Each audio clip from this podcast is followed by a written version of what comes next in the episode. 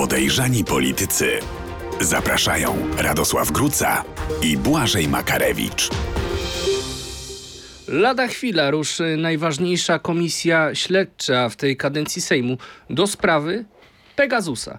Być może największej afery w najnowszej historii Polski. Kto, przez kogo i w jakim celu był podsłuchiwany? Czy na liście są politycy Zjednoczonej Prawicy? O tym dziś w podejrzanych politykach. W programie porozmawiamy także o hipertotalnej opozycji i kontynuacji telenoweli pod tytułem Maciej Maciej trzymaj się. Kto i w jakim celu prowadzi w polityczny niebyt Prawo i Sprawiedliwość? Spróbujemy na to pytanie odpowiedzieć. Szczególnie ciekawie zapowiada się ostatnia część naszego programu Stan Gry, w której porozmawiamy o sprawie CPK, o przeglądzie w służbach specjalnych oraz o rozgrywce między Koalicją Obywatelską a Polską 2050 Szymona Hołowni. Witają Państwa bardzo serdecznie Radosław Gruca i Błażej Makarewicz. I zapraszamy na wydarzenie tygodnia. Wydarzenie tygodnia. Na początku zachęcamy do subskrybowania kanału Radia Z na YouTube, do łapki w górę i komentowania naszej dyskusji. 2,5 miliona wyświetleń w samym styczniu. To wasza zasługa nasz wielki zaszczyt. Zapraszamy Was do komentowania i udziału w życiu pod, e, na, for, na forum i, i na czacie e, pod naszym programem Podejrzani Politycy. Komisja do spraw afery Pegasus to ten temat wybraliśmy jako wydarzenie tygodnia, choć rzeczywiście wybór był bardzo trudny, bo dynamika wydarzeń politycznych jest nieprawdopodobna w Polsce. Mm, e, kiedy ruszy komisja śledcza do spraw afery Pegasusa i kto znajdzie się na liście pierwszych przesłuchiwanych. To może zacznijmy e, od początku, bo ja forsowałem ten temat, drodzy Państwo, nie dlatego, że mam jakąś e, super obsesję na tym e, punkcie, tylko jak słusznie zauważacie w internecie, my często w tym programie mówimy o rzeczach, które w pełnej swojej krasie i skali wybuchną za tydzień, dwa lub trzy. I tak samo było w wielu przypadkach. No ostatnio tylko powiem, że Marek Sawicki powiedział o tym, że zdziwicie się, jeszcze Donald Tusk może kandydować kandydować, a nie Trzaskowski, tak zasugerował, ale to taki niuans. Co do Pegasusa, ta komisja jeszcze nie ruszyła, jeśli chodzi o kamery, natomiast były już e, spotkania prezydium. E, pierwotnie planowano e, na mm, piątek mm, teraz w tym tygodniu pierwsze mm, spotkanie komisji, ale tam jeszcze trwają prace i przewodnicząca komisji z trzeciej drogi Magda Lena Soroka przekazała, że czeka na ostateczne e, efekty weryfikacji przez Agencję mm, Bezpieczeństwa Wewnętrznego kandydatów, znaczy kandydatów, no już członków, ale chodzi o to, że mówiąc wprost, e, posłowie z automatu mają dostęp do poufnych. To się może kiedyś zmienić i o tym porozmawiamy, ale jeśli chodzi o komisję śledcze, to musisz mieć wyższe poświadczenie bezpieczeństwa, czyli taki certyfikat, który upoważnia cię do tego, żebyś w tajnej kancelarii, w sterylnych bezpiecznie warunkach e, przeglądał różne tajne dokumenty, e, do których normalnie ludzie nie mają dostępu. I teraz, e, no nie byłbym sobą, gdybym nie powiedział, że y, przynajmniej jeden kandydat y, mm, na członka, teoretycznie wybrany, ale kandydat do pracy w tej komisji, bo bez poświadczenia nie będzie mógł y, tam niestety pracować, to Przemysław Wipler. Pozdrawiamy Przemysława Wiplera. E, był polityk, były polityk PiS, były polityk partii Korwin, teraz Konfederacji, który miał listę, mm, tajną listę klientów, których obsługiwał w ramach usług PR. E, wiele już pisano o tym, że posłowie e, w imieniu jego klientów występowali z interpelacjami. Jeden poseł nawet na prośbę polityków republikanów e, robił e, poprawki w ustawie akcyzowej, w przepisach akcyzowych. Dużo się o tym mówiło i jeżeli Przemysław Wipler nie chce mm, zostawić jakichkolwiek, wątpli jakichkolwiek wątpliwości, musi powiedzieć, z jakimi klientami mm, współpracował i przede wszystkim musi się wyspowiadać, czy współpracował z jakimikolwiek klientami z kapitałem rosyjskim, czy też ewentualnie z przedsiębiorcami, przedsiębiorstwami chińskimi. Jeżeli tego nie zrobi, e, no to nie zrobi, ale jeżeli tego nie zrobi e, i coś zatai przed ludźmi, którzy będą go weryfikować, to naraża się na bardzo poważne konsekwencje. Przypomnę, że mm, w tej kadencji będzie skazany mm, najprawdopodobniej mówię, bo znam dowody. Znaczy nie wyobrażam sobie, że mnie nie został skazany za malwersacje, jakie robił w fundacji, co opisywałem w 2016 Czyli na inaugurację pracy komisji jeszcze poczekamy. Jeszcze poczekamy, ale już jest e, szykowany, mm, że tak powiem, timeline, taki kalendarz e, prac. I jak on wygląda? Bardzo ciekawie Kto wygląda. będzie pierwszym przesłuchiwanym? Bo to zawsze budzi jakieś takie wyjątkowe emocje. Wszystko wskazuje na to, że zacznie się jak u Hitchcocka od e, wielkiego trzęsienia ziemi i że to właśnie komisja śledcza do spraw e, Pegasusa zajmie się no nie tylko rolą byłego ministra sprawiedliwości i prokuratora generalnego w zakupie Pegasusa, ale niejako przy okazji będzie musiała się zająć tymi wszystkimi plotkami i denuncjacjami i informacjami o stanie zdrowia Zbigniewa Ziobry. Przypomnijmy, że w ogóle nie jest osiągalny. I też ja chciałem zwrócić Państwu na jedną rzecz uwagę. Zbigniew Ziobro, powiedzmy, że uznaje w dobrej wierze, że jest chory, to nie znaczy, że on przestał mieć możliwość pisania na komputerze. No nie wierzę, że taką możliwość stracił. Już nie mówię, że mówienie też mi się wydaje, że jest trudne do tego, żeby stracić głos tak na tyle miesięcy. Może to jest możliwe, może nie, ale jeżeli nie mówi, no to nie będzie mógł chyba skutecznie kandydować do Parlamentu Europejskiego, bo kto będzie na człowieka, który nie może mówić, głosował. I na koniec, no Zwróćcie uwagę na jedno. Jarosław Kaczyński, tak jak i Zbigniew Ziobro, nauczyli się jednej podstawowej rzeczy w polskiej polityce. Niczego nie podpisujemy. Tylko to, co ewentualnie musimy albo jest dla nas potrzebne. Mm, polityk Solidarnej Polski, mm, później suwerennej, Michał Woś, był tym, który podpisywał y, dokumenty umożliwiające no, zrzutkę na Pegasus w, dla CBA. Tutaj Ziobro nie będzie miał odpowiedzialności. On oczywiście może mówić, że dostał prerogatywę taką i taką. Dlaczego o tym mówię? Dlatego, że ja nie widziałem żadnego podpisanego przez Zbigniewa Ziobrę oświadczenia, co oznacza, że Drodzy Państwo, mamy wszelkie powody do tego, żeby wątpić w prawdziwość tych słów. Ja nie mówię, że one są o, o, tym, co mówią jego koledzy, bo głównie ostatnio Marcin Warchoł podał konkretną jednostkę chorobową, rak e, krtani czy przełyku i, i że rokowania w tej chorobie 90% ludzi nie przeżywa dłużej niż 5 lat. Znałeś kogoś chorego na raka? Oczywiście. Wszyscy Państwo znali. Czy widzieliście, że te osoby po prostu w momencie, kiedy mają diagnozę, to przestają pracować? No to zależy od tego, w jaki sposób Ale jest, nie jest zaawansowana choroba. Ale nie jest to reguła. Na ostatnim etapie, no z reguły jest już ciężko, chociaż znam przypadki, że ludzie chorzy na nowotwory złośliwe z przerzutami jeszcze do ostatnich dni normalnie kontaktowali i rozmawiali. No to zależy jak kto chce. No ja byłem pod dziennikarzem, który kiedyś e, w, jeszcze w Ringer, Axel Springer, kiedy pracowałem, namówiłem Józefa Oleksego, który z takiego człowieka zawsze postawnego i tak dalej, nagle zmienił się w, no, w no, przeraźliwie schudł, e, wyglądał na wykończonego. Każdy rozmawiał o tym, że prawdopodobnie e, Maraka, on nie chciał się przyznać i w końcu do mnie, namówiłem go do tego, żeby o tym powiedział publicznie.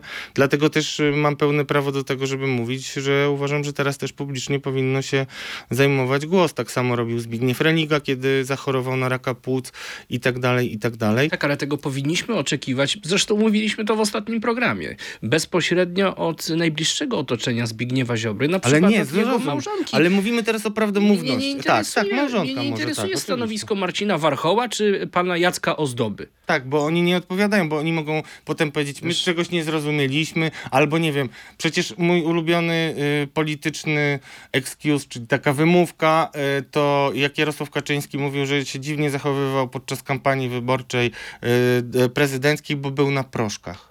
No to może Tak. tak. być, że zaraz się dowiemy, że Zbigniew Ziobro był na proszkach, w związku z czym na przykład no, powiedział coś, co było nieprawdą, ale był na proszkach, no to wiadomo, że y, należy mu wybaczyć. No No dobrze. Zwraca to moją uwagę, że nie ma Zbigniew Ziobro albo Patrycja Ziobro jakiegoś oświadczenia czegokolwiek. I wątpliwości jest dużo, bo nie tylko Zbigniew Ziobro nie pojawił się e, w ogóle w Sejmie, nawet nie odebrał e, przyrzeczenia, ale nie widziano go też w Rzeszowie, gdzie e, Nie ma no, Ziobro pojawił biuro. się w Sejmie, był na początku, Tak? oczywiście. No ale już No, nie pracował. Zapomniałeś te słynne, te słynne wystąpienie z mównicy Liczę na was. Mam nadzieję, że No nie tak, okażecie znaczy, się okej, takimi tak, i- fujerami. Od momentu powołania rządu, tak? Bo on wtedy jeszcze jako minister się wypowiadał, tak, to prawda. E, No ale szukają go wszyscy, opowiadają niektórzy niestworzone historie. E, Ja e, poprosiłem e, zaufanych współpracowników, e, żeby e, zajrzeli do biura, czy może on tam jest ktoś, z kim można by było porozmawiać. I no jakoś, słuchaj, ulica, numer się zgadza, blok kilkunastopiętrowy. Yy, No, mogę Państwu nawet powiedzieć i pokażemy to Państwu na zdjęciach, że ani widu, ani słychu, jakby po staropolsku można było mm, powiedzieć, tam ani Zbigniewa Ziobry, ani żadnych Mateckich i innych jego y, ludzi.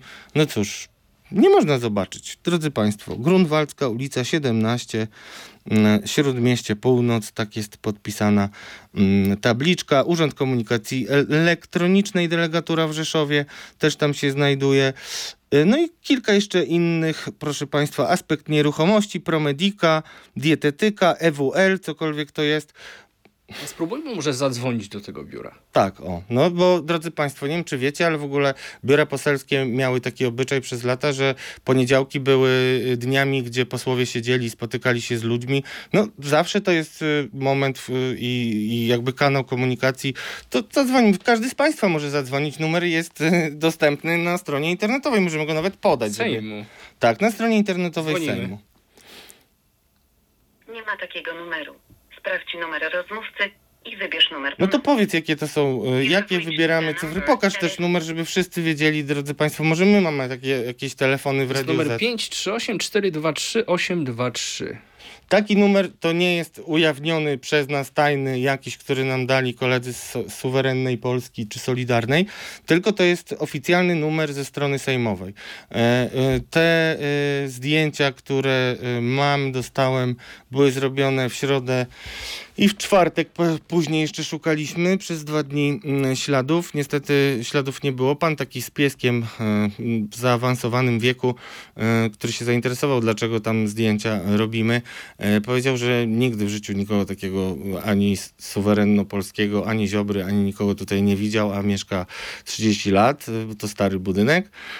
No i jeszcze ciekawa historia taka, że kiedy mm, no, po, po, przeszliśmy nawet po klatkach, to nie było pół naklejki nawet Solidarnej Polski. Jak wiemy, lubią y, akurat politycy partii Zbigniewa Ziobry być widoczni i pokazywani, co nas, drodzy Państwo, przybliża do dyskusji, która bardzo gorąco się toczyła pod naszym ostatnim programem. Państwo na przykład zauważali, że y, skoro jest na chorobowym, no to powinien dostawać 80% pensji.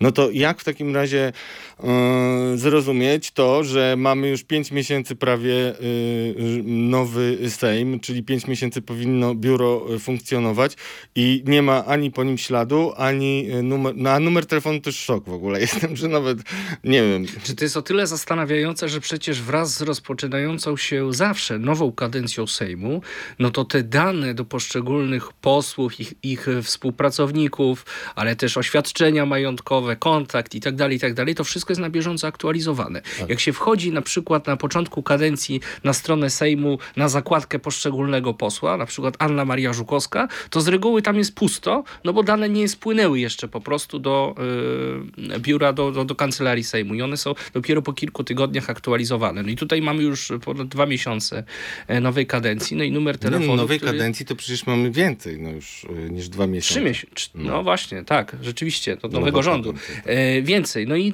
no i te dane nie są, albo nie są zaktualizowane, ale to jest zastanawiające, że jest właściwie podany jakiś numer, który nie istnieje. No sami możecie Państwo się przekonać, będziemy jeszcze badać tę sprawę, ale wydaje się być bulwersująca, bo jeżeli Państwo mówicie, że, on, że Zbigniew Ziobro powinien e, dostać 80% pensji, Ale to co posłuchaj- mamy powiedzieć o nieistniejącym numerze biura, to którego możemy nie ma? skontaktować się z kancelarią Sejmu Musimy jeszcze i tak dzisiaj, zrobimy, i spra- oczywiście. aby sprawdzić, czy e, wpłynęło jakieś zwolnienie lekarskie, jakaś dokumentacja, która by e, no, dawała takie możliwości do tego, żeby e, prawo do tego, żeby Zbigniew Ziobro no, w, w swojej pracy się nie pojawiał. Tak, Zbigniew Ziobro y, i tutaj wracamy do kwestii dokumentacji medycznej, bo też taka zapowiedź z jego obozu była, że y, zostanie przedstawiona, y, nie, nie wiem czy dokumentacja medyczna, czy zwolnienie, ale jakieś dokumenty, które by potwierdzały, albo lekarz, który by potwierdzał jego stan taki, a nie inny.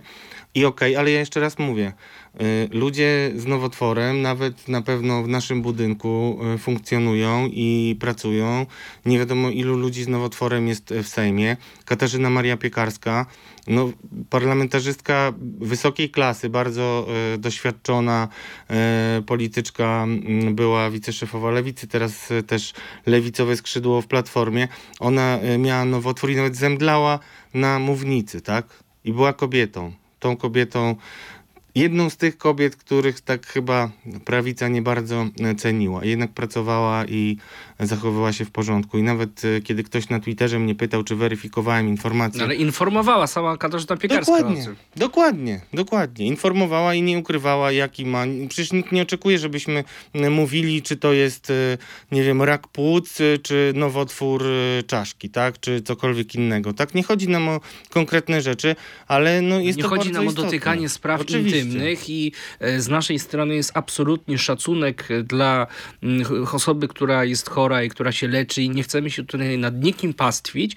No, natomiast e, no, jakiś komunikat oficjalny, nie płynący od pana Ozdoby czy pana e, e, Kalety, tudzież jakiegokolwiek innego z suwerennej Polski, no, jest e, obowiązkiem posła, który sprawuje mandat. No i też ja nie jestem zadowolony, znaczy nie satysfakcjonują mnie oświadczenia polityków Solidarnej Polski, co do których y, prawdomówności wiele razy mieliśmy wątpliwości, a czasami nawet łapaliśmy ich na kłamstwie, bo najlepszy był oczywiście ten y, Michał Woś, y, skarbnik y, Solidarnej Polski, czy tam szef finansów, który mówił, że nie było żadnego Pegasusa i wrzucał zdjęcie konsoli, świetnie się bawił, a tydzień później zrobił z niego idiotę prezes Jarosław Kaczyński i powiedział, że tak, Polska potrzebuje takich systemów, żeby walczyć skutecznie z przestępczością. Bla, bla, Ba, ostatnio Kaczyński powiedział nawet, że złodzieje się boją tego Pegasusa. No I tak. dlatego szaleją. Ja, jak wiesz, mam różnych znajomych, z, y, którymi konsultuję z różnych dziedzin moje śledztwa. Chciałem Państwu powiedzieć, co dostałem od bardzo y, mojego zaufanego źródła. Drodzy Państwo, moje źródło zwraca uwagę na to, że politycy PiSu, i nie mówię wcale złośliwie, coraz częściej mówią o takich rzeczach, które hmm, są pewnymi projekcjami. I żebym mm, nie, nie wprowadzał Państwa w błąd, to ja przedstawię, co to jest projekcja. Projekcja e, od pro i cere, czyli wyrzucać przed siebie, to jest mechanizm obronny polegający na przypisywaniu innym własnych niepożądanych uczuć, poglądów, zachowań lub cech najczęściej negatywnych. E, no, e, prezes, który mówi, że boicie się Pegasusa, Niech sami Państwo, drodzy, mm, kochani e, słuchacze, widzowie i widzki i e, słuchaczki ocenią. Idźmy dalej. W ostatnich dniach pojawiła się informacja, e, o której no, plotki to już krążą od dłuższego czasu, że wśród podsłuchiwanych Pegasusem byli także politycy Zjednoczonej Prawicy. E, I z informacji, do których dotarł e, Mariusz Gierszewski, nasz dziennikarz śledczy, wynika, że na celowniku służb, e, służb PiSu poprzedniej kadencji był także ich własny wicepremier i minister rolnictwa Henryk Kowalczyk. No i nie tylko, i też politycy Ligi e, Republikańskiej, nie Ligi, może Liga Republikańska, czasami sobie przypominam, stamtąd pochodził Mariusz Kamiński, znałem dobrze tą organizację. Nie, politycy Republikanów e, też mieli być podsłuchiwani Pegasusem, ale wiesz, jak ty zaczynałeś nasz program, to mówiłeś, którzy politycy byli podsłuchiwani PiSu? I nie powiedziałeś dokładnie Pegasusem. I, i, i to jest jakby też coś, co powinniśmy mocno podkreślić naszym wszystkim e, odbiorcom, że to nie jest tak, że Pegasus to jest jedyne narzędzie do prowadzenia inwigilacji. I gwarantuję Państwu, że inne inwigilacje miały miejsce i wiem na przykład na 100%, że wśród podsłuchiwanych byli ludzie z Rady Mediów Narodowych. I na razie skończę. A dokładnie jeden z członków członków, tak? Więc y, i, i no mi się to wydaje, y, że wydaje mi się, że ludzie nie mają świadomości tego, jaki to jest problem dla państwa. Jaki to jest problem, że służby na przykład podsłuchiwały y, za pierwszego PiSu powołanego przez nich komendanta głównego policji, y, komendanta stołecznego policji też i tak dalej, i tak dalej. Ale akurat ten komendant trzy dni po powołaniu miał już swoją, y, swój podsłuch i zresztą na podstawie tego podsłuchu udało się cokolwiek na niego znaleźć. Znaczy, ta w, w, informacja pochodzi no, z okolic służb oczywiście, bo rozmawiałem o tym e, z Mariuszem mm, i też y, zgłębiałem poszczególne wątki. Wiem, że trwa poszukiwanie takiej listy. Rozmawiałem y, z, między innymi z koordynatorem służb y, specjalnych Tomaszem Siemoniakiem, który mówił, że taka lista może powstać. Ja powiedziałem, że chyba nie może i mieliśmy taki spór, ale ja jednak nie jestem mądrzejszy niż koordynator służb specjalnych. Jeśli może, to y, trzymam y, kciuki i za słowo. Ale dlaczego o tym mówię? Dlatego, że taką listę jest trudno do końca zrobić, ponieważ e, z jednej strony dostajemy informacje i też Mariusz ma takie sygnały, że znalazły się konkretne dokumenty, notatki o różnych działaniach operacyjnych właśnie Pegasusowych, ale z drugiej strony ja też mam takie informacje, że no jest wiele lęków wśród oficerów CBA, że mówi się o e, badaniach wariografem e, pod kątem różnych nieprawidłowości, które są badania prowadzone w kadrach. No, nawet gdybyśmy chcieli Państwu potwierdzić, no to służby nie mogą tego potwierdzić. Dużo jest w tym wszystkim zamieszania. No i też. No, po, pojawia się i słyszę to od wielu różnych ludzi. Nie chciałbym dzisiaj tego specjalnie no, poszerzać, ale jednak y, rozmawiałem z przynajmniej y, trzema osobami ze służb, które były związane z Pegasusem, które. Um, powiedziały mi, że wcale by nie były zdziwione, gdyby y, nie tylko jednym Pegasusem y, na Polskę jedna służba dysponowała, ale mogło być takich urządzeń więcej, a o nich w ogóle nie wiemy. Wiem, że to brzmi jak science fiction, ale tym bardziej istotne jest, żeby przejrzeć y, warunki, na jakich zakupiliśmy Pegasusa i licencję i wiem, że od tego zacznie komisja. No i też naturalne jest to, że świadkiem będzie Jarosław Kaczyński, Kaczyński, bo to Jarosław Kaczyński jedyny oficjalnie potwierdził, że y, Pegasus był. Tylko, że znowu zrobił to tak sprytnie, że nie masz jego głosu, wystąpienia i tak dalej, masz jego wywiad i może się potem okazać, że ktoś źle zrobił autoryzację i tak dalej, i tak dalej. Natomiast Jarosław Kaczyński na pewno mówił, mamy Pegasusa, Brejza jest podejrzany e, i musimy z takich e, informacji e, korzystać. Mam nadzieję, że to nie jakiś kolega Kaczyńskiego ma Pegasusa takiego dodatkowego. Oczywiście trochę ironizuję, ale pokazuje, jaki to jest, y, jaki to jest w skali problem. I Pegasus to jest tylko jedno z wielu narzędzi, y, y, którymi można było inwigilować polityków. Wcale nie dziwi mnie nazwisko Krzysztofa. No tak, ale najbardziej precyzyjny chyba z tych. Nie, no w ogóle dewastujący. Znaczy to, bo on nie, nie mieści się w żadnym jakby prawnym no, nie, nie, ma możliwości używania go zgodnie, zgodnie z prawem, ale nie ma też zakazu posiadania takiej mm, technologii, aplikacji. No i dopóki nie złapiesz kogoś, na tym, że e, strzelił do ciebie i e, przejął twoje dane i nie masz na to niezbitych dowodów, no to sorry winę tu. Tymczasem, jak e, wiemy, firma Matic, która była pośrednikiem między mm, polskimi służbami a firmą izraelską, która wyprodukowała Pegasusa, no zarobiła olbrzymie pieniądze a założona została przez byłych ludzi SB, takie dwupokoleniowe nawet, yy, bym powiedział, kierownictwo, którzy mieli kontakty z Moskwą. Polecam też yy, rozmowę z Tomaszem Piątkiem, gdzie o tym rozmawiamy. No to wszystko, to wszystko, co wiem już dzisiaj, mimo że dużo wiedziałem wcześniej i też opinia publiczna przecież czytała relacje Krzysztofa Brejzy, czy też no, to, jak potraktowano między innymi panią prokurator Wrzosek i tak dalej, i tak dalej. No i myślałem, że to będzie trudno przełożyć ludziom na jakiś taki własny osąd, bo ludzie mają taką w Polsce tendencję, obywatele, wyborcy, że do myślenia, a to polityk, no to sam sobie jest winien. Generalnie oni są trochę wyłączeni spod ochrony i praw obywatelskich. Mm, No a tymczasem okazuje się, że to może być dużo poważniejszy problem i zwracam też uwagę, na co często zwracano uwagę i myślę, że to się jednak urwie mm, i nie będzie ostatecznie wyjaśnione, ale jednak to, że informacje z Pegasusa musiały y, trafiać też y, do Izraela, czyli do obcego państwa, to jest bardzo poważna y, historia i mm, myślę... Obce państwo, o służby e, specjalne obcego państwa miały dostęp do newralgicznych informacji dotyczących bezpieczeństwa być może e, naszego kraju. To A wiesz, już zakrawa o zdradę stanu. Oczywiście, że tak. Znaczy, to jest taka niefrasobliwość, która powinna być ukarana, jeżeli by była udowodniona i e, stwierdzona, potwierdzona wyrokiem sądu. Ale zwróć uwagę jeszcze na rzecz e, jedną, że mm, i to jest najgorsze, chciałbym, żeby to wybrzmiało. Osobiście, to jest moja opinia, ale na podstawie wiedzy, którą mam o faktach, które przekazali mi ludzie bezpośrednio zaangażowani, motywacją Pegasusa, zresztą to też może każdy sobie wy, wyrobić opinię, ale motywacją do zakładania Pegasusa, o czym świadczy nie tylko Krzysztof Brejza, który gdyby cokolwiek miał na sumieniu, to gwarantuję, że już dawno by poniósł konsekwencje i każdy sobie chyba to umie wyobrazić to yy, no, motywacje były takie, żeby zbierać kompromitujące informacje, a nie żeby wykrywać jakieś... Które nie są obciążające prawnie, tylko mogą być obciążające politycznie. Oczywiście, no bo jeżeli polityk prawicy okaże się być zadeklarowanym gejem, który umawia się na orgię w saunie, no to je, będzie to problem, tak? Nawet jeżeli to nigdy nie wyjdzie, ale ten polityk będzie wiedział, że materiały z To będzie orgii dla w niego saunie... problem. Oczywiście, no będzie dla niego problem i będzie robił to, co właściciele takich zdjęć i dysponenci mu każą.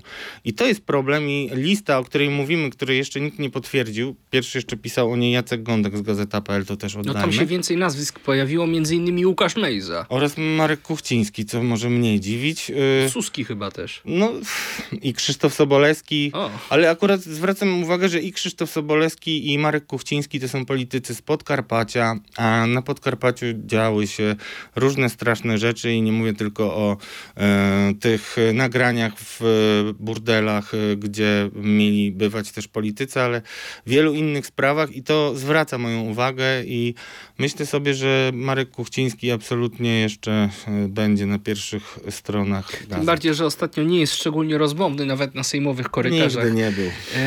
Warto zwrócić przy tej e, sprawie jeszcze e, jedną e, uwagę na to, że skala w ogóle może być ogromna, no bo dostęp do telefonu konkretnej osoby to jest także dostęp pośrednio do masy innych użytkowników Oczywiście. którzy się z tą osobą komunikują. To nie jest tak, że podsłuchiwany przykładowo Krzysztof Brejza, e, no to właściwie sprawa ogranicza się tylko do materiałów na Krzysztofa Brejza, bo tam pośrednio można mieć setki zupełnie jeszcze innych materiałów na innych ludzi. No oczywiście, no i To też... już e, tworzy no, poczucie, mam wrażenie, a poza tym też takie sygnały z obozu Zjednoczonej Prawicy płyną od jakiegoś czasu, że jest trochę e, lęku i popłochu z tego, co wyjdzie. No to, co przed chwilą mówiłem o projekcji i też nasza analiza, którą przeprowadzamy systematycznie poszczególnych posunięć Zjednoczonej Prawicy wskazuje na to, że no oni albo są, no, no, no to się nie może udać. Znaczy te ich pomysły polityczne coraz bardziej wydają się być e, groteskowe, tak? Coraz bardziej zaczynają być oderwane od rzeczywistości, co mogło być skuteczną polityką w momencie, kiedy miałeś propagandę w postaci TVP, Orlen Pressu, e, pieniędzy, którymi mogłeś e, regulować ceny paliw i tak dalej. Kiedy byłeś u władzy, oni to wszystko stracili. I teraz może sobie prezes mówić, że on nie widział jak robił gest Kozakiewicza e, Mariusz Kamiński. I może sobie mówić prezes, że trzeba będzie wybory e, zrobić po jakimś tam czasie przejściowym. I może sobie mówić prezes, że Sejmu nie ma, bo tak mu się chciało powiedzieć, bo to była oczywiście tam dyskusja prawna, więc e, wyciąganie tego nie jest do końca merytoryczne, tylko chcę pokazać państwu, że po prostu na prawicy teraz jest takie podejście, że jeżeli są jakieś takie niewygodne dla nas sprawy, to ich nie ma. Ale to nie jest tak, że ich nie ma, bo to jest trochę tak jak z sektą w Indiach, która y, uważa, że jeżeli nosi taką czerwoną nitkę na szyi, to y, jest y, niewidzialna, w związku z czym widzisz załatwiających się na ulicy y, Indusów, którzy myślą, że są niewidzialni, ponieważ mają czerwoną nitkę na uchu. Zapraszamy zatem na kontrowersję tygodnia. Kontrowersja tygodnia. Jak przekonaliśmy się e, w środę, posłowie Prawa i Sprawiedliwości zdecydowali się jednak na szturm budynku Sejmu i próbę siłowego wprowadzenia tam Mariusza Kamińskiego i Macieja Wąsika. No ale nie przyniosło to jednak chwały Prawu i Sprawiedliwości. O co w tym wszystkim chodzi? Nie no, oczywiście chodzi o to, że przecież zapowiedzieliśmy, że tutaj zrobimy taki licznik, ile dni oni wchodzą do Sejmu. I w zasadzie, jakbyśmy byli trochę złośliwi, to moglibyśmy cały czas ten licznik tutaj sobie e, o kolejne dni e, dodawać. No ale nie będziemy. No wyszło kuriozalnie kompletnie. Znaczy kompletnie kuriozalnie. Ja Zresztą twierdziłem, że to będzie trudne do wykonania. E, Nawet taki plan Ale właśnie. nie, mi nie o to chodzi. To było oczywiste, że Wąsik z Kamińskim na tę salę plenarną nie wejdą. Co najwyżej mogli w- w ramach jakiejś takiej e, e, gościny pojawić się na galerii, czy w samym budynku Sejmu, jak normalni ludzie, czy dziennikarze. E, Chodzi mi o to, po co Prawo i Sprawiedliwość to robi. Przecież na tym nie da się zyskać kapitału. W tej chwili już z analiz politologicznych, socjologicznych nawet wynika, że ten żelazny elektorat PiSu zaczyna się rozbijać. No i to jest nieuniknione. No, po pierwsze, coraz więcej rzeczy wychodzi z informacji, które wcześniej można było traktować jako jakaś y, wroga nagonka y, i naciąganie faktów, czy też kreowanie rzeczywistości przez media. Tak właśnie pokazywał to i tłumaczył zawsze PiS, że to jest fake news, że to jest nieprawda, że to, tamto. Więc to już jest y, zweryfikowane. Myślę sobie i zresztą tak Jarosław Kaczyński sam to opowiedział, że to była próba jakby już jednak pożegnania się z tematem i nie będzie więcej żadnych y, tego typu hec. No to wyszło żałośnie. Naprawdę jest masę filmików. No, a Mariusz Kamiński dostał strzała od Antoniego Macierewicza. Macierewicz stwierdził ciekawe. później, że to fotomontaż i manipulacja. No właśnie, no to kolejna rzecz, której nie ma. Nie ma, y, nie ma strzała y, prawego sierpowego, nie ma y, Powinna to wymyślić specjalna komisja. No, no, no, no co tutaj mówić? No widać bardzo wyraźnie, że e, mamy taką sytuację, bo też żeby nie było, że nie rozmawiamy o e, koalicji obecnie rządzącej. Tutaj hegemonem jest Donald Tusk, premier, nie ma tutaj żadnych wątpliwości, tylko tak jak słuchałem tego strasznego wywiadu prezydenta Andrzeja Dudy, który mówił o dwóch samcach alfa, tak jakby się starał symetrycznie ustawić i do Tuska, i do Kaczyńskiego. Śmiesznie nie wyszło, ale okej, dobrze. I wtedy wróciła do mnie ta myśl, która kiedyś już była tu poruszana, że Jarosław Kaczyński z każdym kolejnym rokiem robił się bardziej kaczyński. Te wszystkie jego fobie, lęki, nienawiść do Tuska organiczna, którą ma e, niechęć do prezydenta, który, tak jak metaforycznie mówię, śpi w łóżku jego brata i chodzi w kapciach e, prezydenta, jest tak silna, e, że bardzo łatwo wyprowadzić go z równowagi. To, co mówiliśmy o tym, jak wyszedł na mównicę i powiedział o agencie niemieckim Tusku, został sprowokowany wcześniej przez wypowiedź Borysa Budki i to idealnie zagrało. Dlaczego o tym mówię? Dlatego, że kompetencje polityczne Jarosława Kaczyńskiego raczej się zmniejszyły, zawężyły i wygrywają w nim różne fobie, projekcje i tak dalej. I to bez żadnej, jakby ja nawet Gdyby nie to, że odpowiadał za moje państwo prezes jednoosobowo, to bym miał współczucie dla niego jako dla starszego człowieka, ale jednak decydował o krzywdzie wielu ludzi i y, o problemach państwowych. To jest odpowiedzialność jego. Natomiast Donald Tusk jest innym politykiem dzisiaj. Jest dużo bardziej cwany, ma dużo mniej kompleksów, jeżeli w ogóle jakiekolwiek. To jest gość, który dzisiaj jest najpotężniejszym politykiem polskim w historii. I mówię to bardzo odpowiedzialnie, bo nawet Lech Wałęsa, e, który był prezydentem, bohaterem całego świata, to był bardziej takim niedźwiedziem zakopanym. Tak on politycznie niewiele osiągnął już w realiach demokracji. A Donald Tusk osiągnął prawie wszystko. I nie dość, że jakby ten swój kapitał e, dzisiaj ma e, niepodważany przez nikogo, ma swoje pieniądze, które uczciwie dostaje jako emeryturę, e, ma swoje wielkie osiągnięcia, nic w sumie nie musi, Tylko, że wszystko tutaj może. żebyś zaczął 100 lat, 100 lat nie śpiewać za chwilę Tuskowi. Ale ja nie śpiewam, ja mówię o faktach. Ja mówię o faktach. Znaczy, co się zmieniło od czasu ich poprzednich starć. I y, ludzie często myślą, że to jest ten sam Tusk, który był y, premierem w Polsce do 2014 roku, zanim poszedł do komisji, zanim poszedł do y, Rady Europejskiej. I już tak nie jest. Dlatego jakby bardzo to źle y, i myślę, że też to wpływa na y, pogłębiającą się frustrację w PiSie, że tak walą głową w mur, a ten mur Ja to wszystko rozumiem, tylko trudno jest nie odnieść takiego wrażenia, że od dnia wyborów parlamentarnych, ostatnich, PiS prowadzi jakąś totalnie autodestrukcyjną politykę. No na początku obrona milionerów z telewizji publicznej, bez w ogóle poczucia jakiegokolwiek wstydu i zażenowania. Teraz y, kabaret z Kamińskim i Wąsikiem. y, Torturowani Torturami. więźniowie To polityczni. powiedzmy o tych uchwałach. No przecież PiS złożył projekty uchwał Tak. Sejmu, które mają stwierdzić, że Kamiński sądą był torturowany. No to są, to drodzy Państwo, no ty mówisz, co się stało. No to jakby bardzo łatwo, krótko mogę odpowiedzieć. Nie może się udać żadne działanie, jeżeli zła jest diagnoza. Diagnoza prezesa jest taka, że tutaj jakieś wraże siły, agent niemiecki i tak dalej, nawet jeżeli jakby obetniemy to do jakichś racjonalnych e, no, scenariuszy, to to nie jest prawdziwa diagnoza. Prawdziwa diagnoza jest taka, że PiS za miliardy pompowane w propagandę, e, w Orlenie i różne inne rzeczy, e, szkodzenie opozycji, zwalczanie przeciwników politycznych, e, zrobił wynik pierwszy w Polsce, ale stracił władzę i w moim przekonaniu PiS jako taki i Jarosław Kaczyński jednak stracili ją bezpowrotnie. A myślą, że coś zaraz się stanie takiego, nie wiem, kometa spadnie. Ale widzi, prze, widzą przecież, że nic się takiego nie dzieje, że No te właśnie. wszystkie inicjatywy Nie, nie podejmowane widzę. od grudnia Nie przynoszą zupełnie odwrotny efekt. No teraz Kaczyński wychodzi i straszy mordami politycznymi. No przecież to jest No pogłębianie się w jakąś... ale powiedz dokładnie, bo to też jest, e, czym straszy, bo to jest... No moim Jarosław Kaczyński powiedział dziennikarzom w Sejmie, że po tej władzy, która rządzi w sposób bezprawny, można się w tej chwili spodziewać już nawet zabójstw politycznych. No ja to tak wcale nie zdziwił, no jak mamy agenta niemieckiego u steru, no to wiadomo, że może patriotów mordować. Ja oczywiście mówię to z kamienną twarzą, ale pełnym Ale słuchaj, sarkazmem. był tutaj dzisiaj e, rano były minister rolnictwa pan Telus u Bogdana Rymanowskiego, który powiedział wprost. Czułem się zażenowany i jest mi wstyd za to, co wydarzyło się przed Sejmem w środę. To był błąd.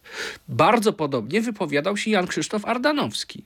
Czyli jest jakiś ferment w tej chwili w środowisku PiSu, że polityka nie jest prowadzona w dobrą stronę, że to przynosi odwrotne efekty. A ja mam też e, takie przypuszczenie, chciałbym, żebyś się do tego troszeczkę odniósł, e, że być może jest ktoś, albo jacyś ktosie, którzy manipulują w tej chwili do tego stopnia Jarosławem Kaczyńskim, aby podejmować właśnie autodestrukcyjne działania po to, żeby PiS osłabić i po to, żeby doprowadzić do przejęcia w tej partii władzy.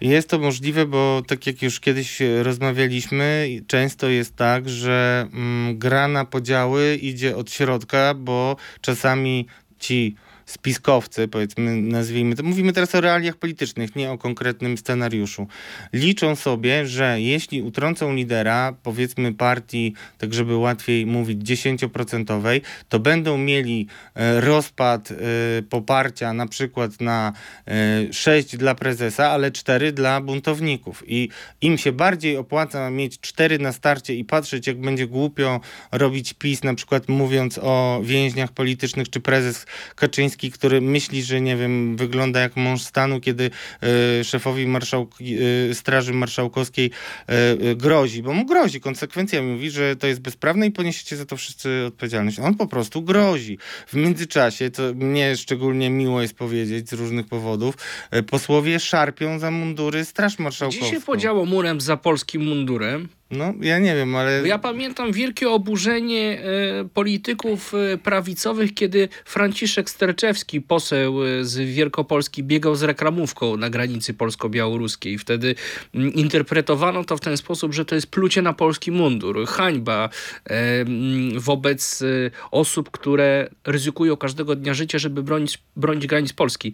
No to jak w tej sytuacji wobec Sterczewskiego, który biega z reklamówką, ocenić Macierewicza, który grozi Straży Marszałkowskiej? Znaczy grozi Jarosław Kaczyński, na pewno, bo to słyszałem, ale... Ja też słyszałem no to szar- Macierewicza, No nagranie tak. udostępniał Macierewicz już- Patryk e, Michalski z No, ma, ma, Macierewicz już ma, nie wiem, będzie chyba takim pierwszym siepaczem. No, on świetną ma formę, szczególnie w jego wieku. Jest rok Niesamowite, starszy, ma prawie 80 lat. rok starszy od, y, no nie, jeszcze trochę, już tak nie mów, bo ci, którzy mają 72, to by się obrazili, ale y, jest rok starszy od Jarosława Kaczyńskiego, a ma formę taką, jakby miał, nie wiem, 50, 50 albo coś. Niedawno To skakał może jeszcze do freak fighty teraz. No, f, f, obraziłeś bardzo pana ministra. No dlaczego? Na tym można bardzo dobrze zarobić. Wtedy jest myślę, dużo dla siebie pożytku, więcej niż dla, dla nas wszystkich będąc w Sejmie. Znaczy na pewno jest pierwszym takim y, no, chętnym do bitki. Jeszcze y, Dominik Tarczyński jest y, chętny. Kiedyś był do, chciał, wzywał kogoś tam na solo, ale mówiąc zupełnie poważnie, ja oglądam teraz TV Republika. Jestem taki dzielny i żebyś, bo ty mówisz, czy oni nie widzą, czy oni nie wiedzą, czy oni nie rozumieją.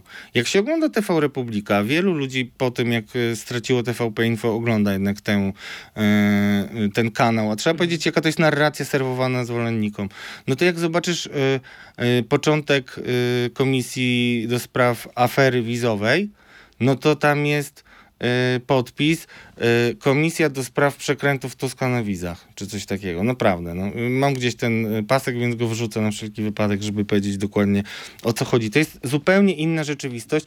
No i prawda jest taka, że część ludzi oczywiście w PiSie będzie po pierwsze wierzyć, po drugie, nie wiem, taktycznie wspierać prezesa, ale coraz więcej ludzi mówi yy, inaczej.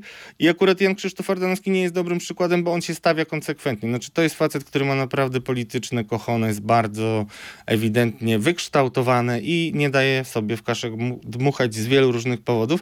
Telus, moim zdaniem, no, to jest bardzo ciekawa postać. Myślę, że kiedyś będę musiał do tego wrócić, bo to, co on w Opocznie stworzył, to y, jest bardzo niepokojące. Jest też drugi aspekt e, tych wypowiedzi ostatnich Jarosława Kaczyńskiego. No bo Kaczyński nie jest politykiem z marginesu. Przez 8 ostatnich lat był tak naprawdę najpotężniejszym człowiekiem w Polsce i miał pełną władzę w swoich rękach. I jest osobą w kręgach politycznych na świecie doskonale znaną. I w Europie, i, i, i poza e, granicami Europy. I ten drugi aspekt to jest niszczenie wizerunku Polski w tej chwili. Bo za chwilę jakieś antyzachodnie nośniki informacyjne mogą zacząć rozpowszechniać plotki o tym, że w Polsce trwa zamach stanu. O więźniach politycznych, mordach politycznych. Czy to nie jest zagrożenie na przykład w, w kontekście inwestycyjnym? Czy to nie osłabia też naszej pozycji wobec konfliktu, który się rozgrywa na Ukrainie? Nie osłabia, y, moim zdaniem, y, dlatego że bardzo słabo mieliśmy pozycję, jeśli chodzi o atrakcyjność dla inwestorów y, za czasów PiSu. I to są obiektywne dane, które no, były przykrywane konsumpcją i tam e, elementarny człowiek, znając, elementarna wiedza o ekonomii powoduje, że łatwo zrozumieć, co tutaj się wydarzyło. Mm, Natomiast była kiedyś taka polityczka, mm, która e, z Niemiec, e, e, która była szefową mm, takich związków niemieckich, które domagały się, już nawet nie chcę przypominać jej nazwiska, albo takim demonem, a była mar- Steinbach. Pani Erika Steinbach, no widzisz, chciałeś demona, to masz. Erika Steinbach, no piątoligowy polityk niemiecki, którego działania były ledwo widoczne w y, niemieckiej opinii publicznej przez lata, ale jakieś tam były, powiedzmy, że miała jakieś cztery wypowiedzi na rok, czy tam jakieś akcje, które występowały, a była polityczką z dużym stażem. No i potem, jak trzeba było robić kampanię i straszyć Niemcami, to te wszystkie lata jej wypowiedzi, aktywności złożono, przedstawiono ją jako w ogóle jakąś fundamentalnie mocną polityczkę, e, żeby motywować antyniemiecko elektorat, taki właśnie dzisiaj też pewnie wspierający e, PiS i wykreowano takiego potwora, więc e, tak samo wykreować no, potwora służącego interesom naszych przeciwników można stworzyć na podstawie nawet tych pięciu miesięcy różnych wypowiedzi y, Jarosława Kaczyńskiego, które dzisiaj jeszcze powiedzmy nie odbijają się wprost na Kremlu, ale jak się potem zestawi to wszystko, co on mówił, no to Sodoma i Gomora, tak, w Polsce się dzieje, więc y, użytek propagandowy jest wielki, no i te, te, y, te obrazki spod Sejmu no, są kompromitujące dla y, polityków y, PiSu. I, i też y, była taka wypowiedź na konferencji na konferencji Szymona Hołowni, którego pani posłanka PiSu pytała, dlaczego nie wpuszczają nas głównym e, wejściem? Przecież my jesteśmy posłankami, kobietami, jesteśmy w ciąży, coś tam, coś tam i czemu mamy piwnicami wchodzić? I on zaczął mówić, Wąsik i Kamiński nie są posłami, a ona, nie pytam w ogóle o posłów. On mówi, wie pani, no ja mam problem, Szymon Hołownia odpowiada pani posłance, "M- mam problem z odniesieniem się do tego, co pani mówi, bo Lider pani partii powiedział, że Sejmu nie ma, więc ja nie wiem, czy mam wypłacać pensję e, w ogóle, czy mam tutaj mm, dawać pieniądze na biuro, bo mam tutaj taki poważny dylemat. Także, no cóż, dużo jest e, bardzo nierozsądnych e, wypowiedzi pisowców, które no, mm, bardzo szkodzą tej partii i też takie informacje o tym, że nawzajem się podsłuchiwali, czy też jakieś niedługo na pewno pojawiające się denuncjacje odnośnie zmian sojuszy w poszczególnych województwach, sejmikach. Wiem, że nawet w sejmiku podkarpackim były możliwości takiego symbolicznego na koniec przejęcia e, władzy przez opozycję, e, bo niektórzy byli chętni e, do takich rozmów. To wszystko będzie fatalnie wpływało na morale partyjne. No i też takie nierozwiązane historie Ziobry, też walka o miejsca na listach do wyboru parlam- do, do Parlamentu Europejskiego, które się odbędą w czerwcu. To źle rokuje, e, ale też oczywiście koalicja 15 października ma już takie naprawdę bardzo wyraźne e, tarcia e, o to, kto by chciał posamcować alfa, że tak powiem. I, I o tym porozmawiamy w ostatniej części Stan Gry. Pozwolisz, że zaproszę naszych słuchaczy i naszych widzów. Stan Gry. Stan gry. No i nagle wybuchła sprawa CPK, Centralnego Portu Komunikacyjnego, e, która wygląda trochę jak taka kontrolowana próba narzucenia debaty w Polsce i odwrócenia uwagi od rozmaitych e, afer. Przynajmniej ja tak to widzę. No ale jednak trzeba przyznać, e, że obóz rządzący mocno się miota w tej sprawie. No Maciej Lasek raz mówi tak, za chwilę inaczej. Tutaj mamy też partię Razem, która ostro krytykuje rząd za pewne zaniedbania. Czy tutaj PiSowi udało się coś y, ugrać, twoim zdaniem? I y, jakbyś e, zinterpretował, ocenił postawę mm, koalicji rządzącej w tym temacie? Kilka spraw trzeba uporządkować, jeśli chodzi o CPK. Na pewno ten temat jest jakoś wyjątkowo nadreprezentowany obecnie w dyskusji publicznej i trudno sobie wyobrazić, że, Że nie to jest przypadek. To, tak, że nie jest to spinowane. No każdy, kto to widzi, aż skala jakby kontrowersji o, inst- o inwestycji, która jednak dzisiaj ciągle jest dość iluzoryczna, mimo mm, setek milionów złotych e, wydanych na to, e, wydaje się być dziwna. Tak samo nowy kanał, który poświęca temu e, debatę i to debatę bardzo jednostronną, w zasadzie jakby no, CP, mogliby siedzieć na logu CPK w zasadzie. Tam Mateusz panowie. Morawiecki publikuje potem nawet zdjęcie, że ogląda wnikliwie tę debatę. No, Powiedzieć, że to kryptoreklama, to wcale nie przesadzona No dobrze, ale do, do rzeczy. No do rzeczy jest tak, że y, Rzeczywiście... reklamując pewnego pisma. Wiesz jak... No, absolutnie, to zupełnie. Wy... To. To się wytnie. CPK. CPK y, jest z jednej strony odbierane przez prawicę jako szansa, bo y, będzie domagać się tych y, realizacji tych wszystkich zapowiedzi mniej czy bardziej twardych o tym, że CPK y, powinien być zamknięty, czy wycofanie, czy ograniczenie, no jakby to nazwać. I będą, i tego się przyczepili, no bo widać wyraźnie, że to jest strategia obecnej opozycji, żeby łapać polityków obecnej koalicji i pokazywać, że nie spełniają swoich obietnic. To jest bardzo karkołomna strategia, o czym najlepiej świadczy historia y, na następny dzień po wyborach od, odblokuje KPO i zaczną pieniądze z Unii y, y, płynąć do Polski, powiedział Donald Tusk. No i nikt normalny, przepraszam, że, znaczy ja nie sądziłem, że następnego dnia będzie zblokowanie, ale TVP Info robiło o tym przez tydzień program jeszcze jak było pisowskie. I tak samo jest z Tepekiem, że łapią jakieś rzeczy i mówią, miało być to, a tego nie ma, miało być to, a tego nie ma. Dramat, dramat, dramat, dramat. I teraz moim zdaniem ekipa, która teraz y, kładzie się rejtanem za CPK, dostanie y, bumerangiem tym tematem.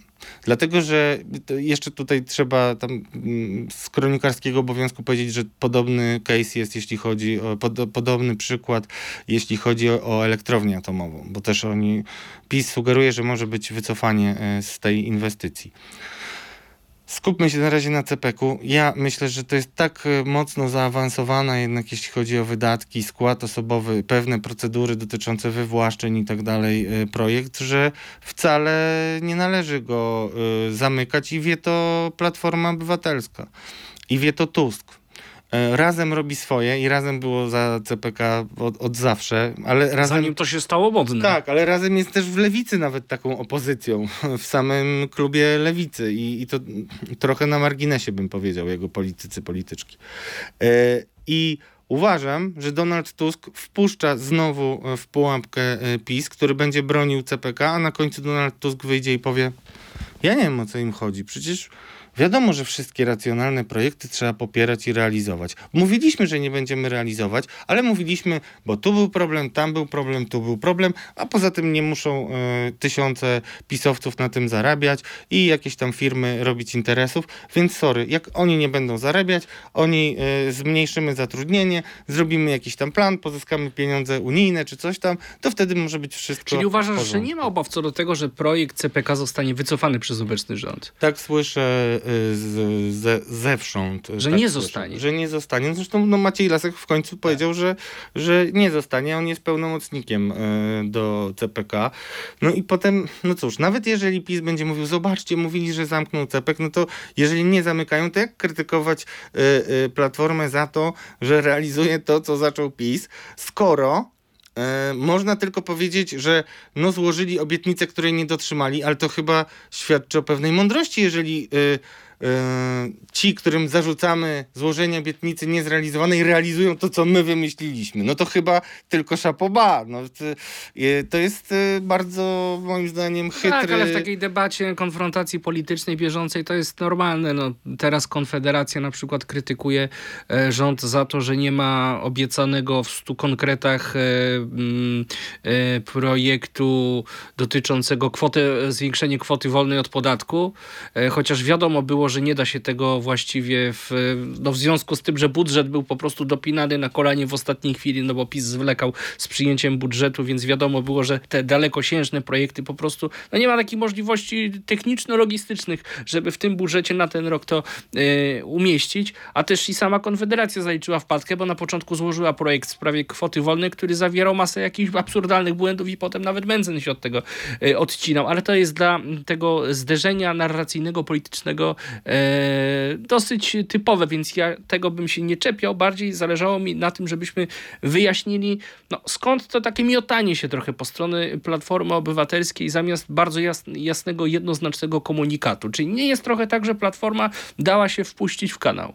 A nie wyobrażasz sobie to, wyobraźmy sobie e, to tak trochę filmowo, że mamy e, wojnę dwóch armii i e, jest jakiś oddział niedobity, który ucieka w stronę lasu i już w zasadzie mamy ten oddział, zaraz ich nasi husarzy rozniosą. Husarzy to PiS oczywiście, a Platforma, która się cofa i miota, to, to ci, którzy uciekają do lasu, a potem wchodzi się do lasu, a w lesie czeka już wielka armia, która husarów po prostu zmiecie i wciągnie. Bardzo ciekawe ciekawe takie no, historyczno-literackie zobrazowanie, czyli krótko mówiąc, twoim zdaniem nie ma powodu do obaw. E, sprawa właściwie zostanie rozwikłana, ten projekt będzie realizowany tylko na warunkach obecnego rządu. Znaczy ja brakuje mi transparentności w ogóle w działaniach y, y, każdej władzy. Tutaj będę krytyczny, jeśli chodzi i to bardzo mnie boli, pra, to co ujawniła sieć Watchdog, że nie dostała informacji o obecnych pensjach w TVP. No i to, i to jest fatalny sygnał i może sobie koalicja skalkulowała, że no to tak bardzo ludzi nie boli, ale mnie boli i będę o tym gadał i to jest no bo olbrzymi błąd. ćwierkają na mieście, że ponoć te zarobki nie są takie niskie. No ale ja nie chcę, żeby były niskie, chcę, żeby były jawne. Znaczy ja nie mam problemu z tym, że nie wiem, będą zarabiać... Ja mam z tym problem. Że znaczy, no okej, okay, ja nie mówię o... zarabia półtora miliona złotych no, to nie jest, jednej umowy, to, no, nie to, to nie jest normalne. To nie jest normalne, ale ja nie mam problemu z tym, że nie wiem, ktoś będzie zarabiał... No sami, sami sobie odpowiedzcie. No, y, pani e, redaktor Dobrosz Oracz powiedziała, że zarabiała chyba jako pierwsza dziennikarka y, Panoramy, czy kilku tam programów publicystycznych chyba kilkanaście tysięcy. To jakby jakby dzisiaj zarabiała po tym wszystkim, co robiła i pokazała warsztatowo dwadzieścia kilka tysięcy, czy tam 30, nie wiem, będąc gwiazdą TVP, to ja nie mam z tym e, problemu, bo to ciągle jest jakby może do, e, do, do tych kwot. No i to, to jest bardzo, to jest bardzo duży błąd w moim przekonaniu, bo nawet gdyby oni mieli nieco mniejsze pensje, i tak dla mnie zbyt duże i dla ciebie pewnie też, ale nieco mniejsze, to wystarczy, żeby wychodzili do swoich i mówili, ale my nie mieliśmy nigdy miliona ani nic, my tutaj to robimy, tu obcięliśmy to, to, to, to, to. Więc jakby można było to zrobić, to jest fatalny sygnał. Ja mam nadzieję, że ktoś tam jednak mocno nimi e, trząśnie, bo zasady są bardzo istotne. I bardzo to też pokazuje przykład drugi, czyli przykład rodziny y, pani y, europosłanki Róży Tun. Tak głośno komentowany i z wypiekami y, na y, twarzy, bo mm, powiedzmy, podsumujmy to, co się tam wydarzyło, ale powiedzmy, dlaczego o tym mówimy w kontekście tej telewizji. Mm, Mówi się oczywiście, że zatrudnienie córki pani posłanki Tun e, w COI, czyli w informatycznym takim oddziale państwa, bym powiedział, e, no nie ma żadnych zarzutów merytorycznych, tak? A jeśli chodzi też o kwestie informatyczne, no to mało kto z Państwa oglądających zna się na tym na tyle, żeby był w stanie to zweryfikować, a ta pani miała doświadczenie w największych firmach, zna języki i tak dalej, więc merytorycznie to się broni. Ale była córką. Ale była córką. No i to jest niesamowite, że Donald Tusk y, miał zażądać osobiście, y, bezapelacyjnie, bezdyskusyjnie szybkiego zwolnienia, w zasadzie z dnia na dzień, zanim zdążyła jeszcze tam się rozsiąść, pani Tun. No i jest to odbierane politycznie jako coś, y, co bije z jednej strony wicepremiera Krzysztofa Gawkowskiego, uważanego za jednego z najmocniejszych rzeczywiście polityków y, lewicy, a z drugiej strony w pana gramatykę, który jest z Polski 2050. Do tego jeszcze dochodzi y, szereg nominacji Polski 2050 w ramach tego resortu e, klimatu. No, być może był to taki ostatni przytyk, żeby pokazać, że to my decydujemy, którzy synowie i córki są godni tego, żeby być zatrudnieni. Może. Ale może było też tak, że Donald Tusk doskonale rozumie, że jeśli weszliśmy do, doszliśmy do władzy krytykując nepotyzm, to nie możemy się tak wystawiać, że nagle Michał Tusk będzie, y, nie wiem, dyrektorem lotniska, tak? I tak dalej, i tak dalej. Pa, pamiętajmy zresztą, że Donald Tusk tego swojego syna jednak bardzo krótko trzymał, jeśli chodzi o tę historię i też miał bardzo ciężką lekcję z jego krótkiej współpracy z Marcinem Plichtą i z liniami lotniczymi OLT Express. To jest pytanie, które będzie wracać, Błażej, i moim zdaniem będzie bardzo istotne e, i widać, że Donald Tusk e, tego pilnuje i tym bardziej takie sygnały jak e, nieujawnianie informacji przez TVP należy wyciągać na sztandary i powinni to robić sami zwolennicy koalicji, bo jeżeli oni chcą utrzymania władzy przez tą ekipę, to muszą pilnować tego, żeby te patologie, które nieuchronnie się rozwijają w długich rządach, no nie, nie rozwijały się już na pierwszym odcinku, bo to rzeczywiście mogłoby zwiastować y, no, mocne przemodelowanie na scenie politycznej, ale wcale niekoniecznie em, być korzyścią, którą odniesie PiS. Koalicji Obywatelskiej podoba się to, że pozycja polityczna Szymona Hołowni tak urosła w ostatnich tygodniach. No i też notowania Polski 2050 poszypowały w górę. Chyba nie. Gdybym był Buddą, to mógłbym powiedzieć, że to jest niewłaściwe pytanie. Ale to jest właściwe pytanie, z tym, że jak mówisz Platforma Obywatelska, to zakładasz, że Platforma Obywatelska jest taką partią bardziej y, podobną do PiSu, y, czyli że tam w zasadzie nie ma żadnych ludzi, którzy mają inne zdanie niż lider. Tak nie jest, to primo. Pamiętajmy, że y, jest mocny pretendent do schedy po Donaldzie Tusku w postaci Rafała Trzaskowskiego i też wielu ludzi, którzy z nim współpracują, między innymi minister sportu Sławomir Nitras, który był jego człowiekiem, albo nawet wypromował trochę Trzaskowskiego na takiego czarnego konia. Więc odpowiadając na twoje pytanie, w Platformie patrzy się na to różnie, ale dzisiaj cały czas obowiązuje y, ubóstwienie Donalda Tuska, czyli nie dyskutuje się z nim. Zresztą on nie pozwala dyskutować nawet ze, so, ze sobą. To jest y, bardzo twardą ręką y, trzymana partia. No niektórzy, którzy się tam pojawili po, y, już po odejściu Tuska i pamiętali Schetynę i Budkę, no to przychodzą do mnie bladzi i mówią, boż, co tam się dzieje? No sobie nie wyobrażasz, nie mogę się nic powiedzieć, ale co tam się dzieje? On w ogóle nie, zero sprzeciwu i zero dyskusji ma być tak, jak on mówi i, i, i tyle. Więc y, y, nie jest tajemnicą, że Donald Tusk nie kocha Szymona Hołowni. Szymona Hołowni nie lubi nikt y, i y, nie ma się co tam obrażać, nawet będąc zwolennikiem Hołowni, bo on jest po prostu zagrożeniem. Jest najpopularniejszym politykiem w Polsce. Jest y, ministerem y, prowadzącym i tak dalej, i tak dalej. Krzepnie w tej polityce, coraz mniej mu można zarzucać. Takie zarzuty prezesa, że on jest nieopierzony i on powinien, powinien jeszcze długo się uczyć, Typowe dla prezesa odwracanie pojęć. no tak, ale on, no ale to jest jakby to, śmie- znaczy, że dobrze prezesa. sobie- to no znaczy, to że tak, dobrze sobie tak, radzi. to, to też jest tak, y, to, to, to też jest to, więc oni patrzą na niego podejrzliwie, ale też to jest pytanie cały czas, które powraca, no jak już tutaj wracaliśmy z Markiem Sawickim, który marszałek senior mówił, że wcale się nie przyzwyczajajcie do tego, że kandydatem na prezydenta będzie Rafał Trzaskowski, no to mm, wiesz, y, zależy gdzie patrzysz, bo Platforma generalnie y, no, ma swoje, dużo, bardzo, ma niekwestionowaną pozycję lidera, jeśli chodzi o władzę nad państwem, wpływy i tak dalej. No, ale, y, więc się tym cieszy.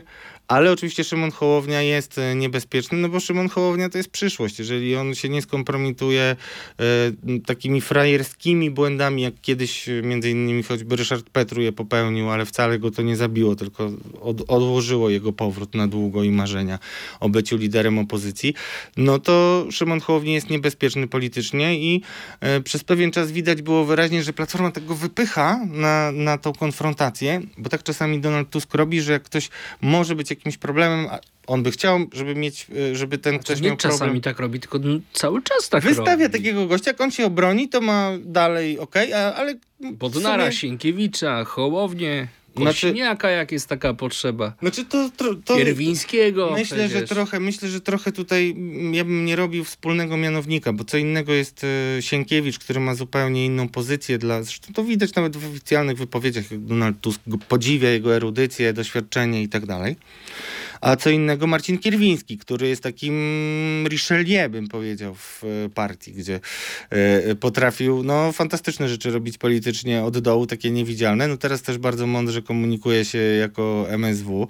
E, to, ale to są inni politycy i tutaj Marcin Kierwiński nie, nie będzie podgryzany na razie przez Tuska, natomiast Tusk też ma w sobie to, co miał Kaczyński, czyli że potrafi na siebie napuszczać różnych ludzi i potrafi przede wszystkim wystawiać na strzał. No i tylko czasami to się kończy tak, bardzo rzadko, ale jednak czasem tak może być, że wystawiamy na strzał faceta, który czy kobietę, która wychodzi z tej strzelnicy nie draśnięta, czy tam ranna, ale jednak nieśmiertelnie i taki ranny i e, nieśmiertelnie ranny e, zwierz potrafi kopnąć najmocniej. E, I może to jest właśnie ten kazus Szymona Hołowni, który no cóż, na razie sobie radzi i im bardziej go hejtują, a w tej sprawie Kamińskiego i Wąsika będą cały czas go hejtować, tak? Bo cały czas będą przecież kwestionować, że skład Sejmu, przynajmniej werbalnie, że skład Sejmu jest niepełny, no to, to może mu tylko służyć. I ciekawy jestem bardzo, bo mało się mówi o Władysławie Kosiniaku-Kamyszu, Ministerstwie Obrony Narodowej i wicepremierze, a ja bym chciał jednak, żeby Państwo myśleli odpowiedzialnie e, o tym, jak może wyglądać przyszłość, bo właśnie mieliśmy zmianę e, głównego dowódcy wojsk ukraińskich, odwołanie i nie dzieje się tam wcale dobrze. I e, zaraz możemy mieć zupełnie inne postrzeganie priorytetów e, w naszych przyszłych planach życiowych. Ja nie, nie straszę państwa, ale też wiem, że państwo, wiem od ludzi ze służb, że państwo jest dużo słabsze niż oni myśleli i to, co też jest niepokojące dla mnie, szczególnie w kontekście wyborów w Stanach Zjednoczonych, to nie jest wcale tak, że Amerykanie mają, są tak silni, jakby nam się wydawało. Są różne takie e, obszary, w których e, nie są tak silni i to też nie są tak silni, bo osłabili się ich sojusznicy, między innymi Polska. Amerykanie mają też swoje problemy, to nie, nie, nie. Zwracajmy na to cały czas uwagę, że jednak e, w- wobec Stanów Zjednoczonych polityki ich wewnętrznej, to jednak Ukraina to jest jakiś egzotyczny mimo wszystko. No nie jest e, właśnie do problem. końca egzotyczne, że to, to tak, nie, tak nie mów. Znaczy ja tutaj bym się akurat... Egzotyczność to jest trochę takie bagatelizowanie sprawy. Na pewno nie jest priorytetowe, bo dla nich najważniejsze są Chiny. Ale z naszego punktu widzenia, bo w o nim mówimy... Chiny, ale to jeżeli mówimy w ogóle, już nie chciałbym, żebyśmy pod koniec Tak, naszego oczywiście. programu wchodzili w dyskusję o stosunkach międzynarodowych. Oczywiście Chiny w tej chwili problem na bieżąco. Trump Meksyk jest lewa i południowa Polski. granica, z, no tak, ale z punktu widzenia chociażby frakcji dominującej w partii republikańskiej, no to Ukraina no to w tej chwili nie jest priorytet i to nie jest kwestia bagatelizowania e, sprawy, tylko jednak to, że to nie jest no, temat na pierwszym miejscu na liście do, mm, w tej chwili do rozwiązania, co bardzo źle rokuje w kontekście, e, w kontekście naszego regionu i bezpieczeństwa w naszym regionie. Ostatnie pytanie, bardzo bym chciał, żebyś w ciągu minuty e, na to pytanie odpowiedział. Chodzi mi o porządki w służbach specjalnych, bo mieliśmy o tym podyskutować, ale tak się rozgadaliśmy, że no, Nie mam stopera, ale y, powiem krótko. Porządki, ja będę odmierzał. porządki trwają, wariografy pracują, jest wiele zmian.